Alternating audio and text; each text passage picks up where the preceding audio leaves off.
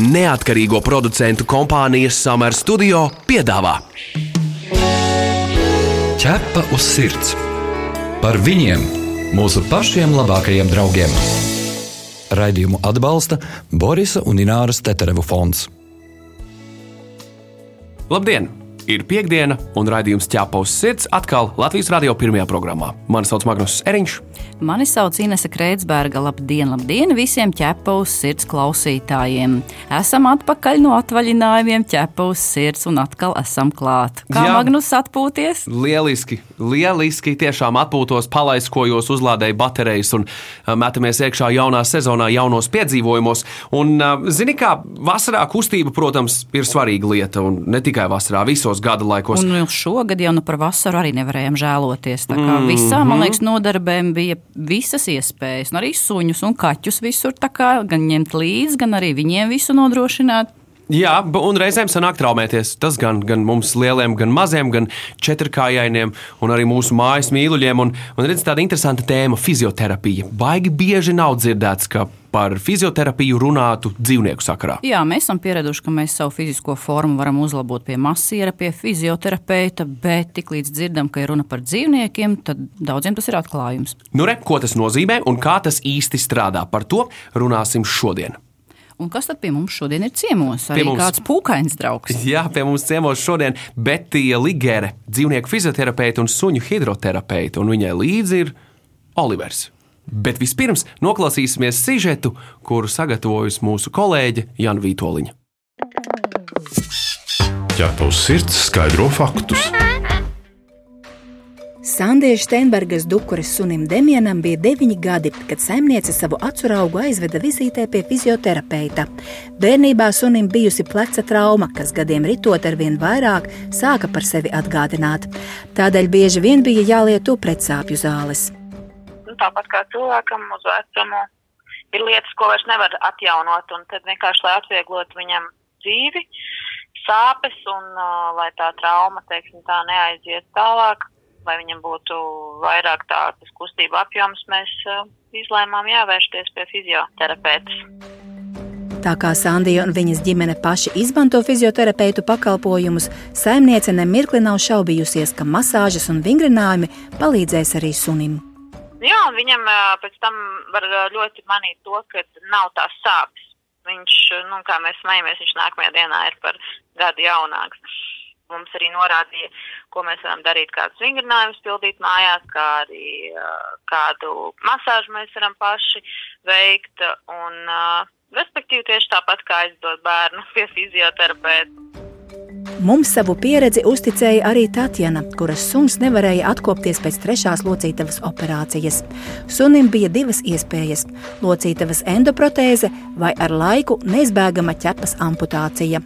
Tikai pateicoties fizioterapijai, tagad mīlulis ir nevien nostājies uz visām četrām kājām, bet arī draudzīgi dzenā kaķus kā vecajos labajos laikos. Veterinārā ārsts Normons Fjodorovs norāda, ka fizioterapija ļoti bieži ir vienīgā iespēja, kā sunim vai kaķim palīdzēt atgūt veselību pēc dažādām, galvenokārt neiroloģiskām problēmām. Protams, varbūt arī traumas, kur neiroloģija nav īsti iesaistīta. Ir kaut kāda liela auga bojājumi, lūzumi un tam līdzīgi. Bet lielākā daļā gadījumu nozīmīgākā darbība ar fizioterapiju ir veicama tieši neiroloģisku saslimšanu gadījumos, kad ir zaudēta jūtība kādā ķermeņa daļā. Visbiežāk tās ir pakaļkājas, nu, kas tiek novērotas, bet var arī būt citas ķermeņa daļas. Vetārs stāsta, ka pamazām dzīvnieku fizioterapija kļūst populāra. Arvien vairāk vetārstu apgūst jaunas zināšanas, iegulda finanses, lai iegādātos dažādus palīgu līdzekļus fizioterapijas veikšanai, kā arī pieliek pūles, lai pārliecinātu dzīvnieku saimniekus, ka šīs procedūras sniedz labu rezultātu. Lielā daļā gadījumu sākumā ir vajadzīga speciālistu konsultācija, speciālistu veiktās manipulācijas, bet lielu daļu no fizioterapijas darba apjomu var apgūt, iemācīties un veikt arī pats saimnieks. Rezultāts nekad nav ātrs, tas ir ilgs, smags, rūpīgs, sistemātisks darbs, citādāk rezultāti nebūs. Un tādēļ, ka tas ir ilgi un sistemātiski, var gadīties, ka pietrūkst pacietības. Turklāt ar fizioterapiju un masāžas palīdzību ir lielas iespējas arī uzlabot un paildzināt suņa seniora dzīves kvalitāti. Tā ir cita tēma, kur neiroloģiskas problēmas ir saistītas ar novecošanos un tad radītajiem nervu šķiedru bojājumiem, jūtības traucējumiem, līdz ar to arī kustību traucējumiem. Un tad pareizas kustības, pareiza masāža, piemēram, ko pats saimnieks var iemācīties, var ļoti būtiski paildzināt laiku, ko dzīvnieks spēj pats pārvietoties. Arī Sandija, kura Demjanam jau divus gadus pati veids speciālisti ierādītos vingrinājumus un manipulācijas, atzīst, pozitīvs iznākums suņa veselības uzlabošanā ir atkarīgs no saimnieka attieksmes. Joprojām ir saimnieki, kuri to nedarīs, kuri vispār neko nedarīs savu suņu pēc. Ja viņam pateiks ārsts, ka viņš ir slims, tad nu, viss tas pote un uzredzēšanos. Ķepa uz sirds jautā ekspertam.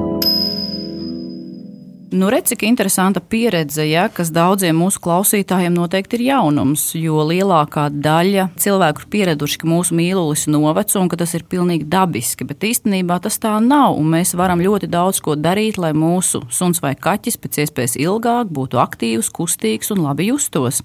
Un tāpēc jautājums uzreiz, Betija, Ko nozīmē dzīvnieku fizioterapeits un suņu hidroterapeits? Izklausās nu, ļoti interesanti.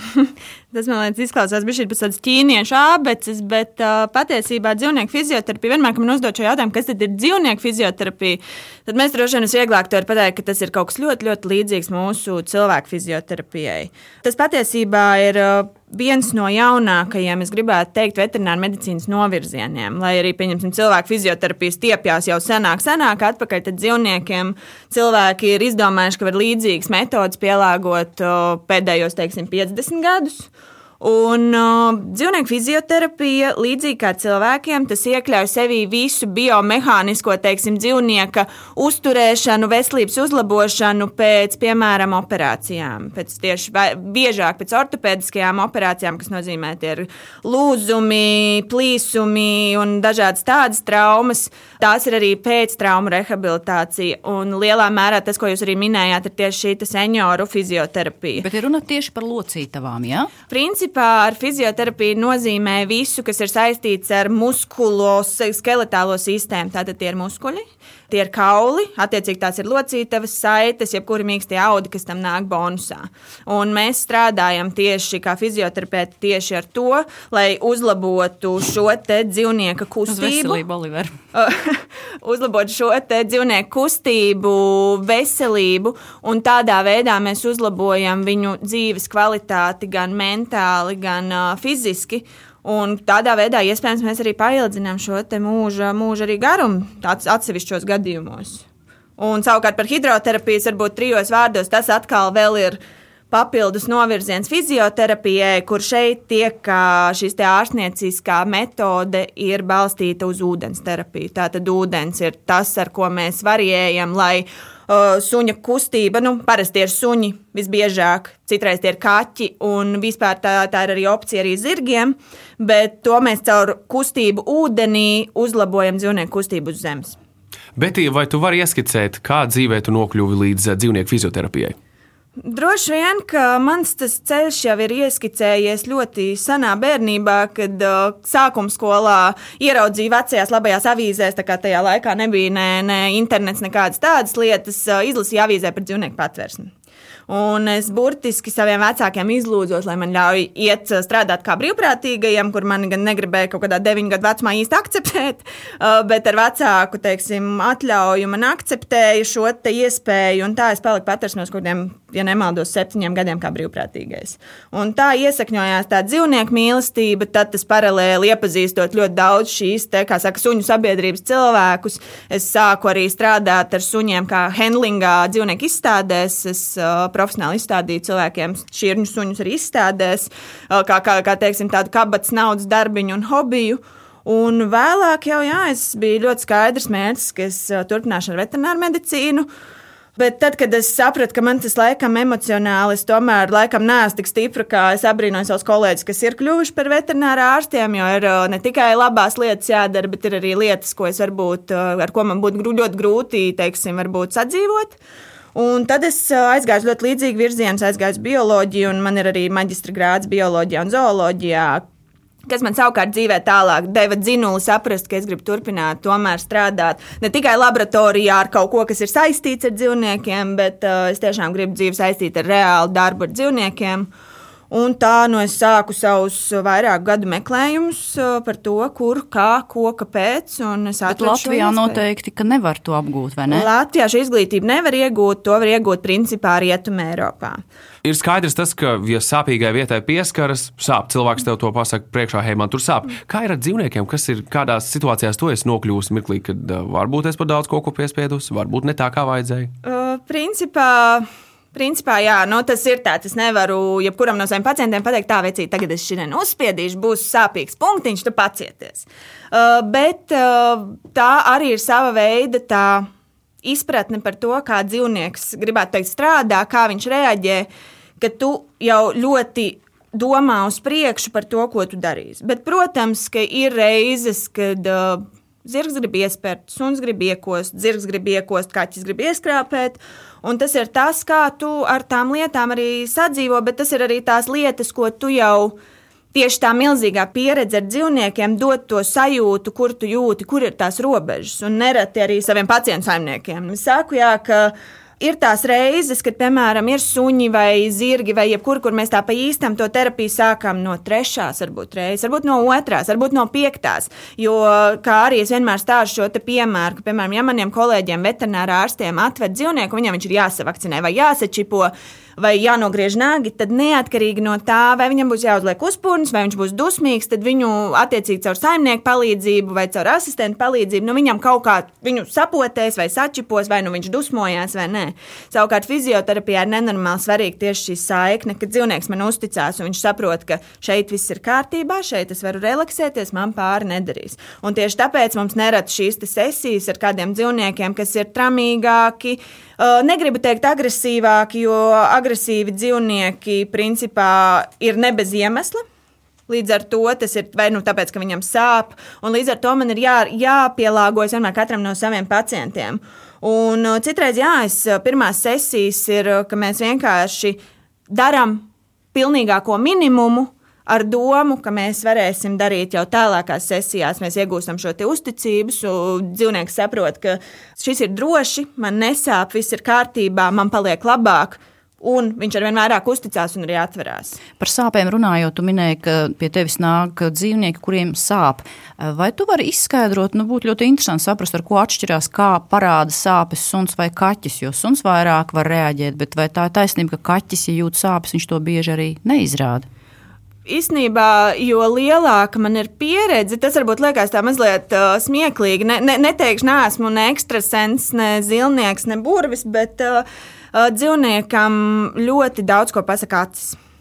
Un uh, neatkarīgi vai tas ir zirgs vai alpaka vai, vai kaķis vai suns, Uh, bet ļoti daudz ko pasakā acis. Protams, suņi mēdz to izrādīt savādāk, vai tā ir alsošana, vai tā ir sejas izteiksme, vai tas ir kā viņi, kā viņi kustina savu viņu ķermeņu valodu, bet arī kaķiem ir līdzīgas, ir, ir pazīmes, kā to var pateikt. Kas tur bija par tām acīm? Viņas kā šaudās, vai tieši uh, mirkšķinās, citreiz pie sāpēm tas ir kaut vai zīlīšu paplašinājums, ka viņiem ir tas tāds varbūt sāpju, sāpju, varbūt baiļu, varbūt šoka stāvoklis, bet Uh, bet dzīvnieki kļūst, uh, ir ļoti grūti to izskaidrot, varbūt, bet tā ir vienkārši gadu pieredze, kur tu iemācies, kā viņi izskatās. Kā viņi, jo, piemēram, ir, ir, ir piemēram, arī man bijuši kaķi, kas tu viņam acīs redzi, ka, piemēram, viņš, piemēram, man ir bijis kaķis, jā, kas ir bijis pilnībā, tad, kad viņš atnāca pie manis, bija pilnīgi paralizēts, un tu redzi, ka viņš man nevar neko izdarīt, viņš man nevar iekost, viņš man, nevar, nu, viņš man nevar ieskrāpēt, ja viņš ir pilnībā guļošs. Bet tu pēc viņa acīm vari pateikt, kurā brīdī viņam sāp, kurā brīdī viņš kaut vai arī viens ir acu, kā viņš ir tas acu kontakts, kā viņam paplašinās zīlītes, kā viņam paplašinās pašas acis, kā viņam sašaurinās acis, vai, piemēram, kā viņš, piemēram, reaģē, vai šajā punktā viņš mierīgi guļ un skatās riņķī, un ir kaut kāds punkts, kur tu atrodi, ka viņš, piemēram, viņam tu pilnīgi redzi, ka viņš mēģina ar acīm, ar ausīm pateikt, ka kaut kas, es gribu tik no šīs situācijas ārā. Un jebkurš dzīvnieks, viņa pirmais impulss nevēl ir tāds termins angļu valodā fight or flight, kas nozīmē, tad, kad viņi ir riska situācijā, un nereti viņiem riska situācija ir tad, kad viņiem sāp, kaut gan viņi ir pilnīgi mierīgi, viņi ir mājās, bet viņiem ir atbraucis svešs cilvēks, kas viņu prāt viņam dara, nu, ka viņam sāp. Tad pirmā reakcija vai nu ir uzbrukt, vai nu bēgt. Un, teiksim, tu arī redzi pēc viņa ķermeņa valodas, ka viņš tev grib pateikt, ka šis ir tas moments, kad nu, kaut kas nav līdz galam kārtībā, vi, viņa prāt. Betī, vai tu vari mums pastāstīt par citiem dzīvniekiem, kas ir bijuši pie tevis uz terapiju? Kaķi, jā, dzirdējām, suņi, jā, zirgi, mm -hmm. alpakas, kas vēl? Truši, piemēram. Bet patiesībā ļoti milzīga amplitūda jebkuram dzīvniekam var pielāgot uh, fizioterapiju. Galvenais, protams, svarīgi tā ir anatomiskā zināšana, bet, piemēram, visā pasaulē, teiksim, ļoti daudz uh, priekšgājēji strādā, piemēram, ar komodo varāniem, ar putniem ar uh, dažādiem jūras dzīvniekiem. Tā, tā iespēja patiesībā man, man, man pagaidām tik eksotiski dzīvnieki vēl nav bijuši, bet es ar lielāko prieku arī uh, pielāgot šo Jā, bet, bet principā, jā, jā, pagaidām tas laikam ir bijuši tāds viseksotiskākais, varētu būt vai nu trūcis vai alpakalēka. Atgādinām, ka jūs klausieties raidījumu ķepa uz sirds, un studijā mums šodien ir Betija Ligere, dzīvnieku fizioterapeite un suņu hidroterapeite. Radījums ķēpa uz sirds dzirdams arī populārākajos straumēšanas servisos. Meklējiet uh, rokā un klausieties mūs arī podkāstu formā, kā arī Latvijas radio arhīvā. Tu esi mans draugs, ķēpa uz sirds. Bet ir tāds jautājums uzreiz, ko jūs teiktu tad, ja, nu, piemēram, cilvēkiem tas, ko viņi tagad dzird un klausās, tas liekas kā tāda, nezinu, varbūt pilsētnieku iegriba, nu, kas tad tas ir, jā, suņus masē, nu, kas tad tas tāds pa jaunumu. Kā varētu noargumentēt, varbūt tās parādot to, ka tas tomēr ir efektīgi, ka tas paildzina dzīvnieka mūžu un ka tas arī senioram var justies pilnvērtīgāk? Droši vien tā argumentācija, piemēram, es vienmēr man ir bijis jautājums arī šajā tieši kontekstā, vai fizioterapija var būt neefektīva. Un fizioterapija var tiešām būt neefektīva, ja paši saimnieki nav gatavi ieguldīt šajā laiku, vēlmi strādāt, jo līdzīgi kā jebkura, es domāju, medicīnas novirziens pat cilvēkiem vai dzīvniekiem, fizioterapija nav burvju tabletīte. Līdz ar to, kāpēc varbūt tas argumentācija vislabākie jau būtu tie reālie piemēri, kas varētu būt uh, liela daļa piemēram, no maniem pacientiem, vai, vai tā realitāte, jā, ka, piemēram, arī droši vien vislabākais pierādījums būtu tad, ja tam cilvēkam būtu iespēja savu dzīvnieku atvest, uh, apstīties, kā tas notiek un ieguldīt tajā laiku, un tad iegūt to pārliecību. Jo arī es to vienmēr arī saku saviem pacientiem, ka Fizioterapijā mans darbs ir tikai puse no uzvaras. Otra puse ir tas, kā saimnieki pilda savus mājas, mājas saka, uzdevumus, cik viņi ļoti iegūta tajā laiku, cik viņi nopietni tam pieiet. Jo mana pieredze rādīja, ka, piemēram, tieši, tieši vakar piemēram, man bija viens pacients, kas bija kucēns, kurš gada vecumā bija dzīvojot laukos, bija vienkārši notriekts. Un, uh, tas rezultējās patiesībā diezgan veiksmīgā rezultātā, ka izklausīsies varbūt briesmīgi, bet viņam bija laustas tikai abas pakaļkājas. Respektīvi, viņam nebija iekšējo orgānu traumas, uh, viņam bija tikai sauparēts abas kājas, kur uh, vienā, vienā no šiem gadījumiem viņam izņēma pusi no kaula un uztaisīja principā mākslīgi dabīgu locītavu, un otrā pusē viņam ielika stieņus. Un šis suns pirmo reizi, kad viņu redzēju, viņš bija tāds, kā saka, pussēdošs. Viņš labāk, viņš vairāk sev pārvietoja, velkot ar priekškājām. Un, uh, un, un, un labākajā gadījumā viņš varēja sevi uzstāt uz tām pakaļkājām. Tas bija arī viss. Un, uh, plus vēl nāca bonusā tas, ka tā kā viņš bija dzīvojis laukos, tad uh, viņš bija dzīvē redzējis, viņš ikdienā bija redzējis divus, trīs cilvēkus, un pārējie cilvēki viņam likās kaut kas tāds briesmīgs, plus vēl pieredze ar klīniku, kur viņu pēkšņi operē, visi aiztiek, viss, viss, viss. Līdz ar to viņam bija arī tāda ļoti liela pietāta pret cilvēku.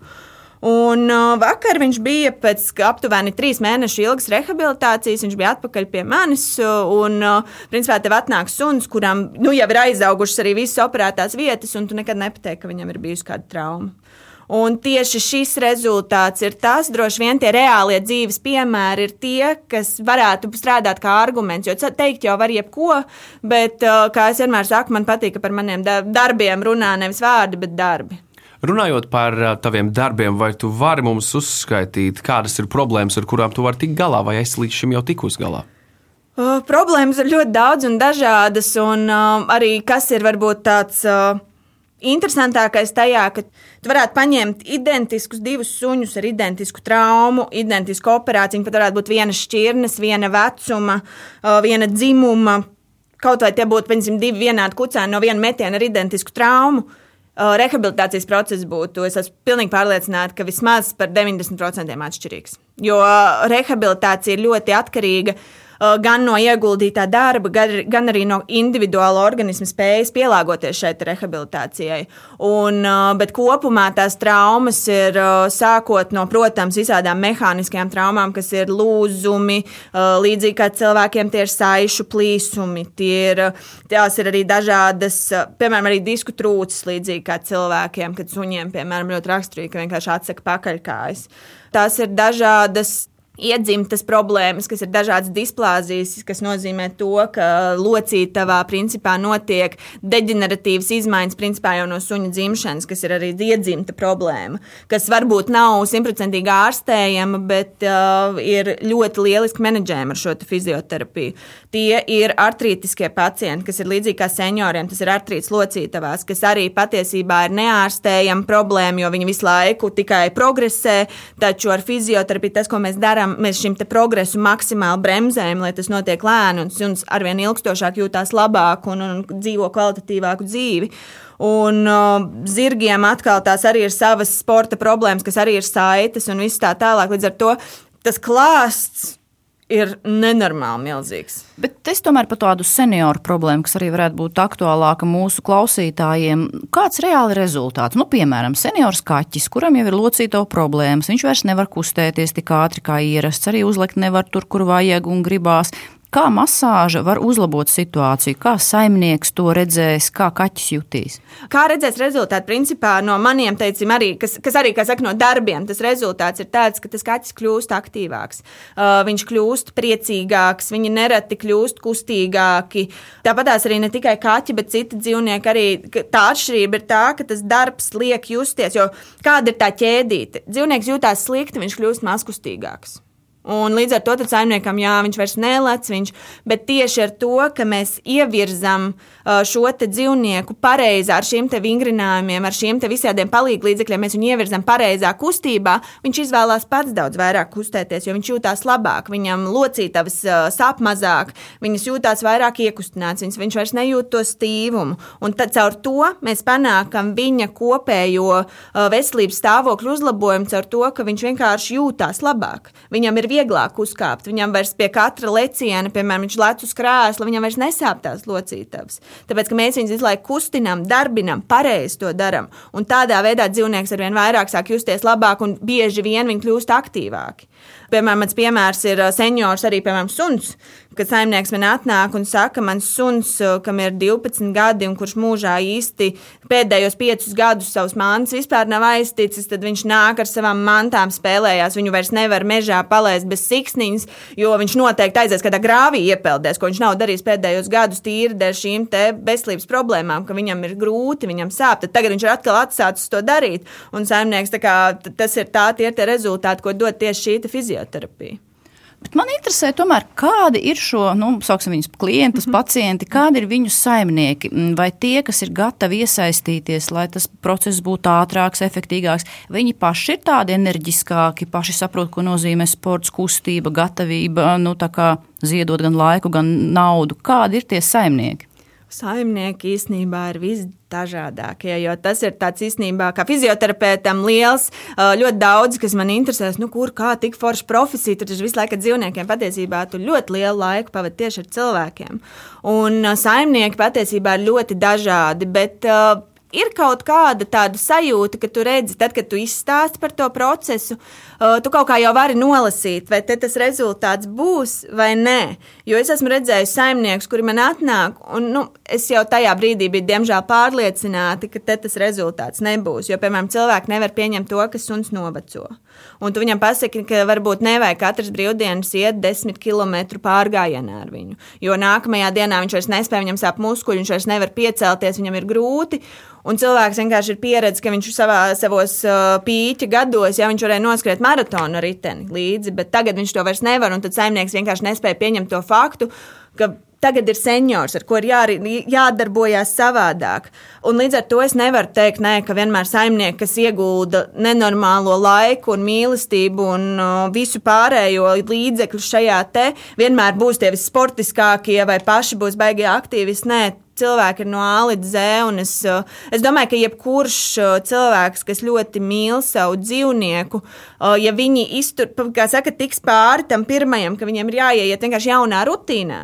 Kas ir viss šis te, teiksim, fizioterapeitiskais, viss, viss tas process, arī tad baigā motivācija radās. Tas ir līdzīgi kā cilvēkam ar sportu. Kamēr tu neieraugi pirmos rezultātus, ir grūti, un tad, kad tu ieraugi tos rezultātus, liekas, oh, baigi, baigi forši, viss notiek.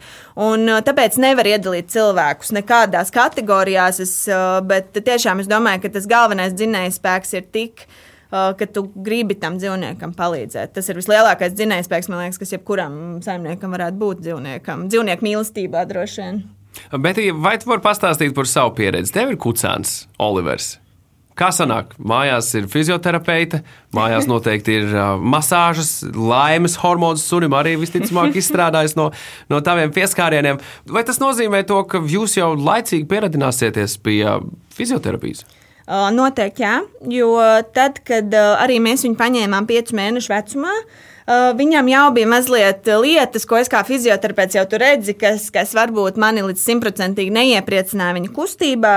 Bet tas līdz ar to bija skaidrs, jā, ka mājās viņam būs fizioterapija, mājās viņam būs jādara. Bet, protams, tas jau ir mazliet kā kurpniekam ar kurpēm, kad tu atnāc mājās, tad jau nu labi, šodien paslinkosim. Bet, bet es ļoti, ļoti apzinos, ka tam ir jāpieiet nopietni arī sev. Tāpēc mēs mājās arī gan vingrojam, gan masējamies, gan veicam šīs dažādas terapijas. Bet nu, viņš, protams, kā jau jebkurš kucēns, ir mazliet ūdens zāle, un viņam ir savs uzskats par to, cik ilgi ir jāpaguļ vai cik ilgi ir uh, jādarbojas. Bet, bet uh, kopumā nē, viņš jau kļūst par ideālo pacientu. Un es ļoti ceru, ka viņš kļūs par tādu terapeitisko suni, ko mēs varēsim uh, būt. Viņš būs paraugs un par lietām, kā kas ir jādara.